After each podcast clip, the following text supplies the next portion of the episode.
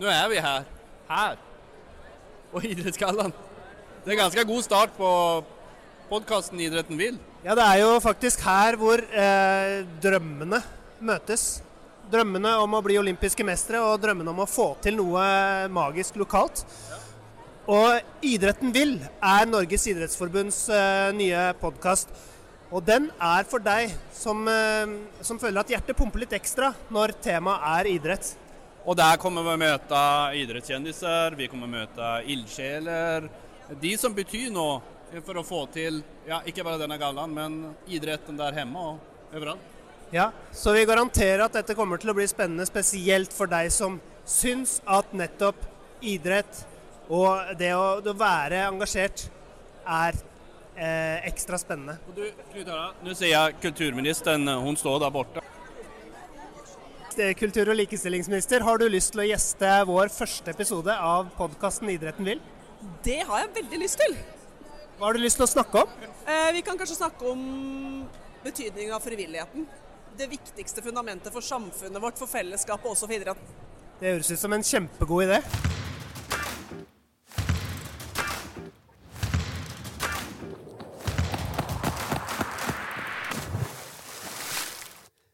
Idretten vil er Idrettsforbundets podkast.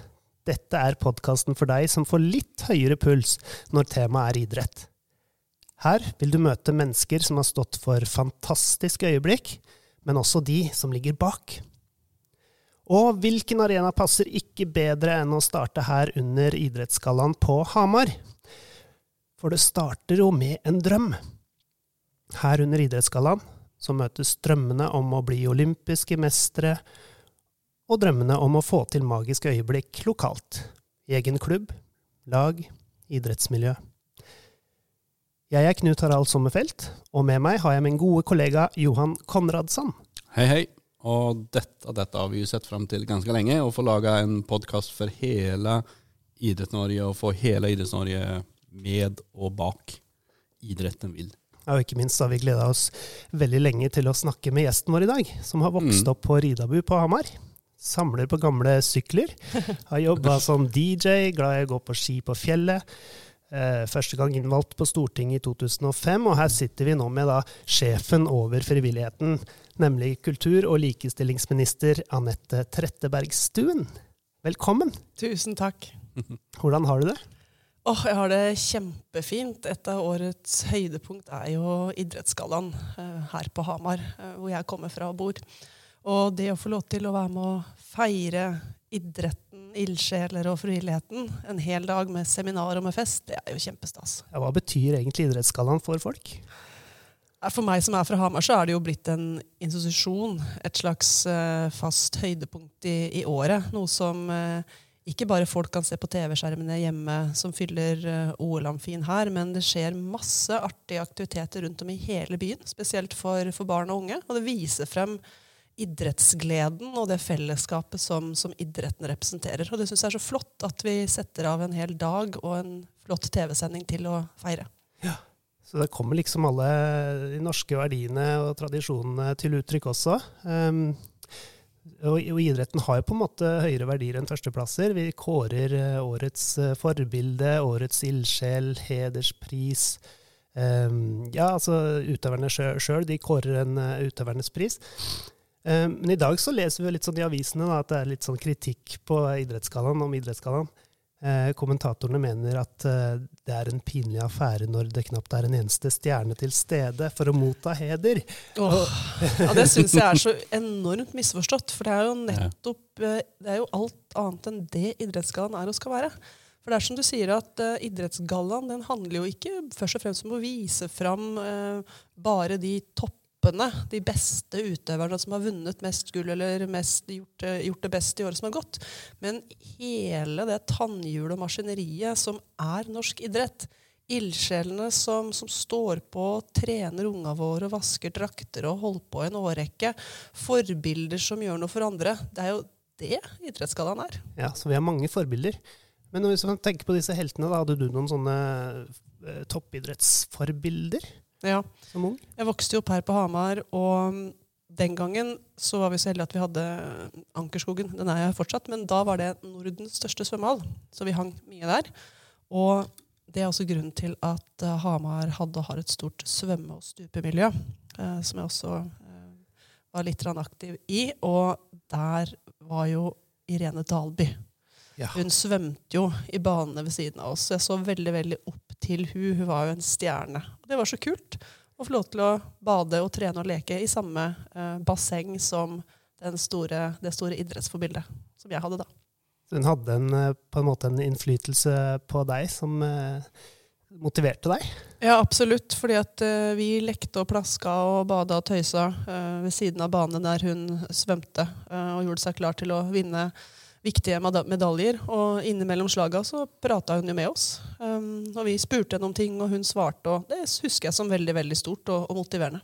Det var et samlingspunkt rett og slett for, for deg og for for toppidrettsutøvere? Var det flere i lokalmiljøet som hadde det som sånn go to place? Ja, altså fordi at vi var så heldige å ha det fantastiske svømmeanlegget, så var det naturlig for oss at vi hang mye der. Det gjorde jo at vi ble eh, trygge på vann, hadde det mye moro, eh, lærte å svømme tidlig, hadde, hadde det gøy i vannet. da.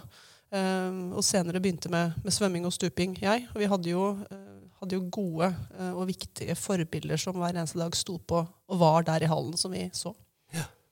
Så det du beskriver, er egentlig en modell for å bli aktiv, eller få aktiv identitet. da. Mm. Og en sånn Ja, sår en liten sånn frø, rett og slett. Frø for å være aktiv hele livet. Starta tidlig. Ja, og det var jo et mm. godt eksempel på det som er så unikt og flott med den norske idrettsmodellen. Det er bredde og topp hånd i hånd bruker de samme anleggene, eh, er sammen. Du, du, har jo vunnet noen eh, priser sjøl også. Eh, søkt opp. Ikke for sport. Flirer du? ja. du kan jo, altså Nettstedet Geysir eh, kåret i 2009 og 2010 eh, Trettebergstuen til Norges mektigste lesbiske kvinne. Ser du på deg selv som et forbilde? um, Ja, eh, jeg tror nok at det er det i, i eh, egenskap av å være en person som har makt og er synlig og er skeiv, så, så, blir man eh, i, e, bare i egenskap av det um, noen som uh, blir synlig for andre. Uh, og jeg syns det er viktig å, å, bruke den plattformen. fordi at da jeg vokste opp her på Hamar, på Riddarby, og begynte å skjønne at jeg var skeiv, så var det ikke så veldig mange å se til. Det var ingen politikere, det var ingen som jobba i radio, eller eh, det var ingen eh, artister eller kjendiser. Um, og hadde det vært det den gangen, så, så, hadde det nok vært enklere for meg. Så jeg tenker at alle som har muligheten å ha makt og har en mikrofon, må, må bruke den til å snakke om hvem de er, dersom det er sånn at de representerer en minoritet. Da. Det gjør det enklere for andre. Det er fantastisk. Um Hvilket uh, forhold har du til frivilligheten, da? Uh, altså Vi skjønner jo at din rolle nå, så har du kanskje ikke så mye tid til overs. Uh, men har du vært frivillig selv? Ja, jeg um, har vært mye frivillig i organisasjonslivet da jeg var yngre. I forskjellige barne- og ungdomsorganisasjoner. Så har jeg fått lov til å være med og arrangere kurs og utvekslinger mellom eh, norske barne- og ungdomsorganisasjoner og utenlandske når jeg var ganske ung. Og det å bli vist den tilliten, få en oppgave som, vi, som, jeg trodde var helt umulig, og så for å klare det, det er en av de kuleste tingene jeg har opplevd i mitt liv. Så det å få ansvar gjennom frivilligheten er noe man definitivt vokser på. Og så er det jo sånn at fordi at vi har den unike norske idrettsmodellen som gjør at uh, alle unger egentlig kan være innom idretten en eller annen gang i løpet av barndommen sin, så har jeg prøvd det meste av det som kan krype og gå av idrettsgrener. Um, og vært heldig å få delta i det fellesskapet. Ja, som ung, da. Du har barn? Ja, ja nei, jeg, som sjøl da da jeg var yngre. Men nå, nå som, som, statsråd så har du rett i at man har ikke mye tid til overs. Men nå er sønnen min Gustav han er fem år. og begynner å vise interesse for uh, forskjellige idretter og fritidsaktiviteter. Så jeg gleder meg til å, å bli en sånn frivillig mamma. Mm. Ja. ja. Hva slags frivillig mamma skal du bli da? Sånn Nei, det spørs jo hva han velger, da. Du skal bli sånn som skriker på sidelinja og heier og Ja, jeg skal definitivt heie, men jeg har også lyst til å, å, å, være en del av det fellesskapet av de som står på og, og bidrar til at jula skal gå rundt. Det er så viktig. Som kulturminister, hva er det som motiverer deg mest? Hva er det du brenner for? Det er eh, alle de små og store menneskemøtene rundt omkring i by og bygd av folk som virkelig eh, står på og, og gjør at eh, andre får skinne, får lykkes og får være en del av et fellesskap. Så det er rett og slett um, møte med frivilligheten rundt omkring. Det må jeg trekke fram som det som inspirerer meg aller, aller mest i den jobben her. Folk som virkelig, virkelig, virkelig um, gjør noe for andre. Det er livsviktig. Mm. For essensen er jo med frivillighet at man har en, man får overskudd, men man skal jo ofte da ha overskudd da, eller åtminstone fri tid, eh, hvilket er en utfordring. Men, og så skjer dette fordi du ønsker noe, du har et eh, interesse om noe, og det går stort sett av seg selv. Og da er spørsmålet hva trenger vi en kulturminister for frivilligheten da? Ja, Hva gjør du på jobbet? Frivilligheten er jo fri, det sier seg Ja, sjøl. Det ligger ja. i, i navnet. Den skal ikke styres politisk. Men det som er min jobb som kultur- og likestillingsminister, og dermed frivillighetsminister, da, er jo å legge de gode rammene for at frivilligheten kan få lov til å være fri, og at flere kan delta. Og da handler det om ikke sant, å gjøre det enkelt å være frivillig. At frivillige, de frivillige skal drive med det som er kjerneaktiviteten, det de brenner for, og ikke byråkrati og søknader og den type ting i minst mulig grad. Så det er en viktig oppgave.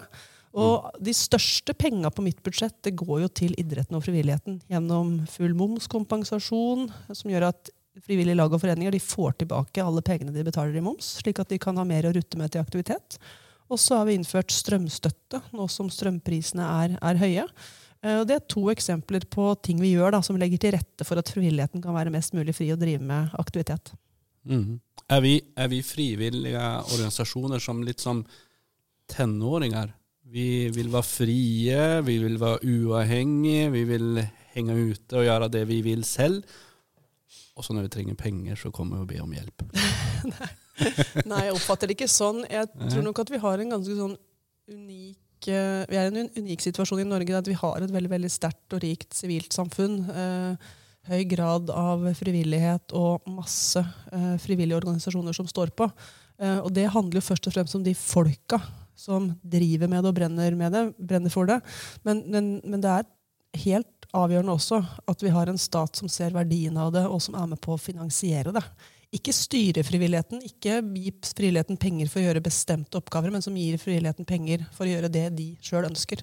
Det må Mm. til. Hva er frivilligheten verdt, egentlig?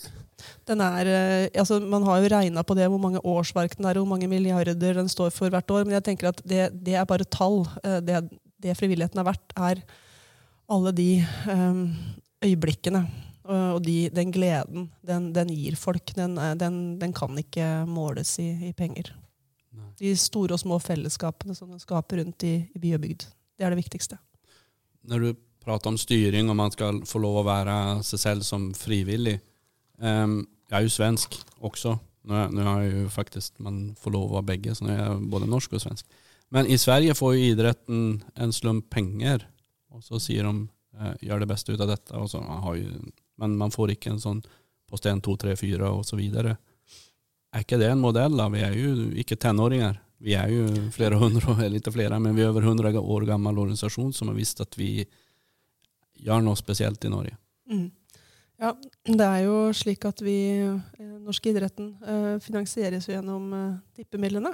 Det er jo helt unikt at alt overskuddet fra eh, det vi eh, tipper Jeg tenkte på går- post 1 Ja, og 2. jeg skjønner. Ja, mm. Um, hvorvidt, uh, altså jeg tenker jo at det er jo idretten selv også um, tror jeg er godt fornøyd med, med, det, med det systemet. Uh, og det er jo det er definitivt ikke slik at vi går inn og styrer hva idretten skal bruke pengene på, man har, men man har satt opp noen, noen rammer for det, og så putter vi pengene på inn der i, i god dialog med idretten.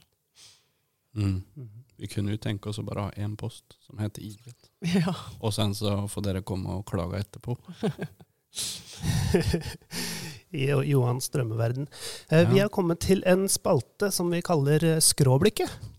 For i denne podden så snakker vi jo med om eh, grasrota. Og dette er jo idrettsledere, kjendiser, næringslivsledere og politikere om hva de vil med idretten, og hva idrett betyr for dem.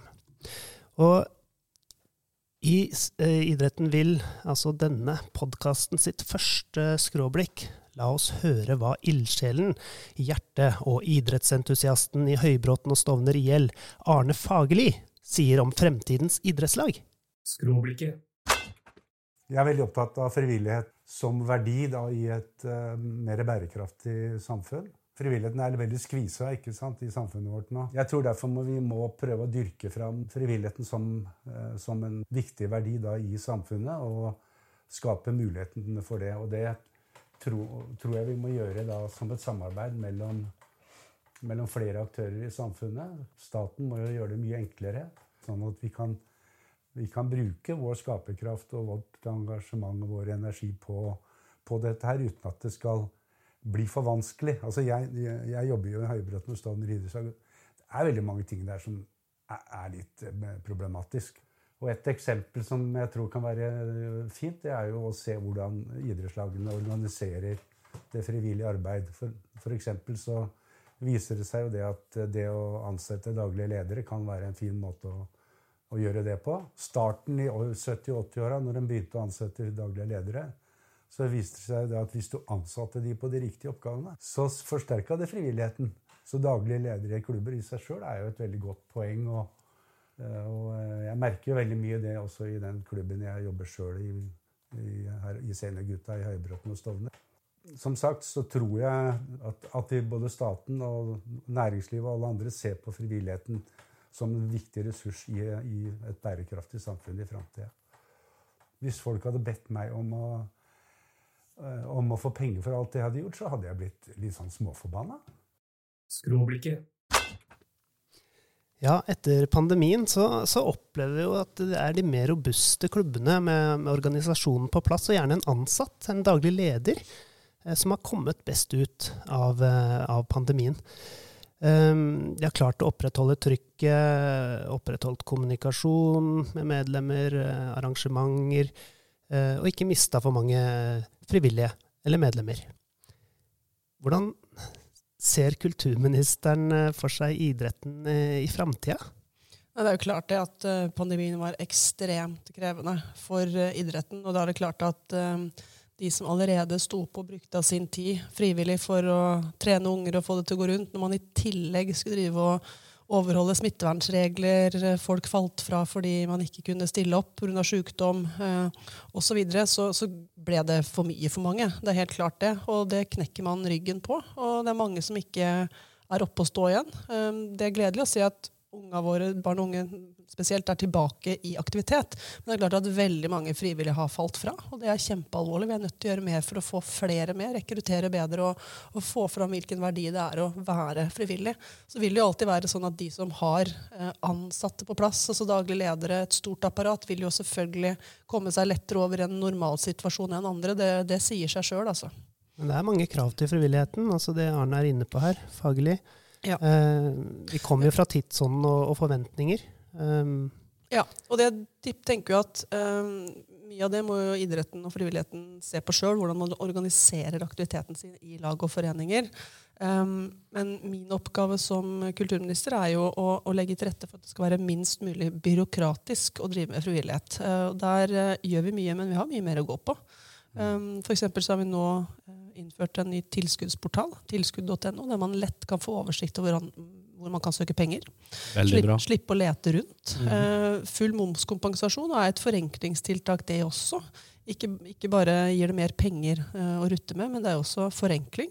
Uh, og så må vi sørge for at uh, det blir mindre papirarbeid og, og, mer tid til aktivitet. Og det, det jobber vi med kontinuerlig. Mm.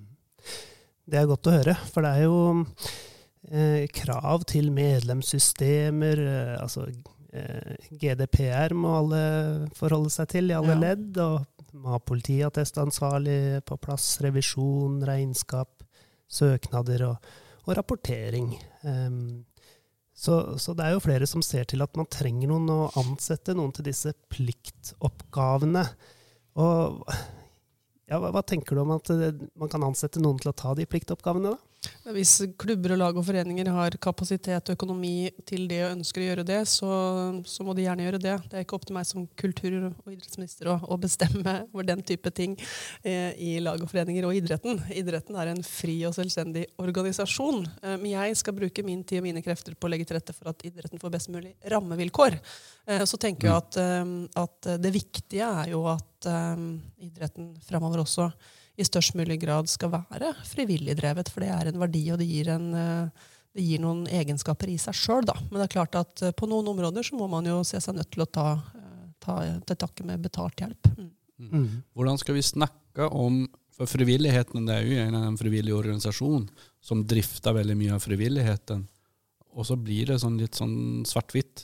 Det skal være frivillige. Men det kommer jo alltid å være mest frivillige. Og Mm.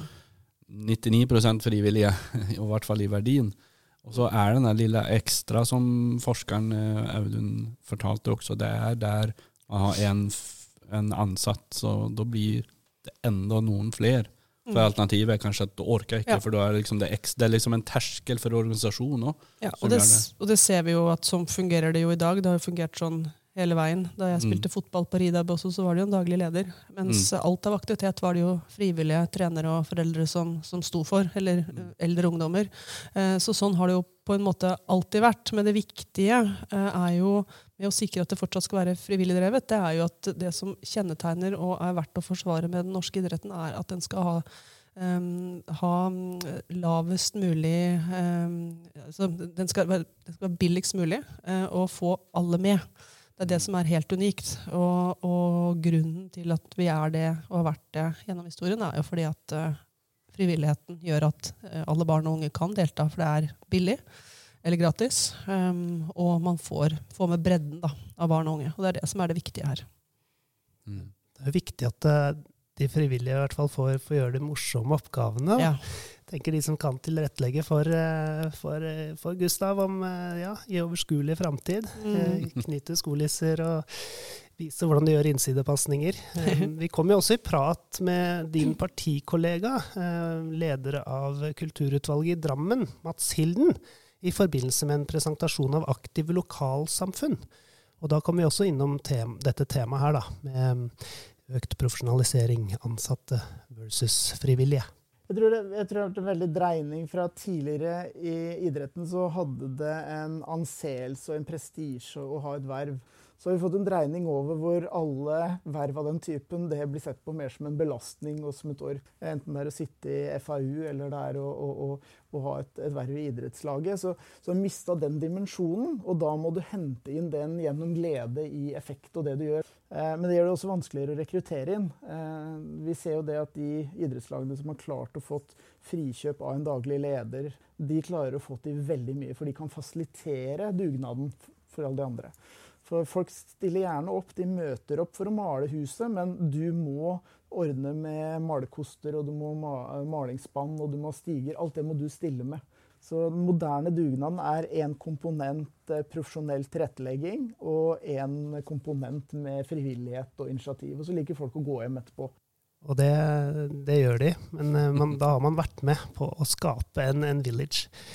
Um, kan jeg si Anette? Ja. Ja. Anette, har du, noen, har du noen store bekymringer for eh, fremtidens frivillighet? Altså, jeg bekymrer meg jo for det at vi ser at, eh, at det er frafall, at eh, flere velger det bort. eh, at eh, folk opplever at i tidsklemma så, så blir det ikke tid til å drive med den slags. Men samtidig så har jeg også en framtidstro. fordi at når vi ser alle de, spesielt unge, som er frivillige, og som gløder av å få lov til å gi noe til andre, og som forteller om det til sine venner og sine bekjente, så er det en fantastisk rekrutteringsbase. Og så har jeg troen på at vi skal få til det her, og at eh, den norske frivilligheten fortsatt skal eh, blomstre.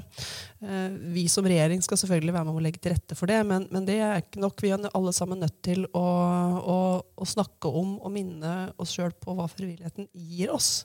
Jeg gleder meg til å bli sånn frivillig fotball- eller ballettmamma, eller vet ikke hva han skal drive med. Um, fordi at jeg tenker at det må jo være kjempegøy å få lov til å tilbringe tid sammen med barnet sitt i en hektisk hverdag, der man er på skole og jobb hele dagen, og så skal man få i seg middagen, og så skal barna gå på trening. Ja, så bli med, da. Hvor kult kan ikke det være? liksom? Mm. det gleder jeg meg til. Og jeg tror nok at veldig, veldig mange rett og slett ikke er frivillige fordi de aldri har tenkt tanken, og ikke vet at det kan være noe for dem.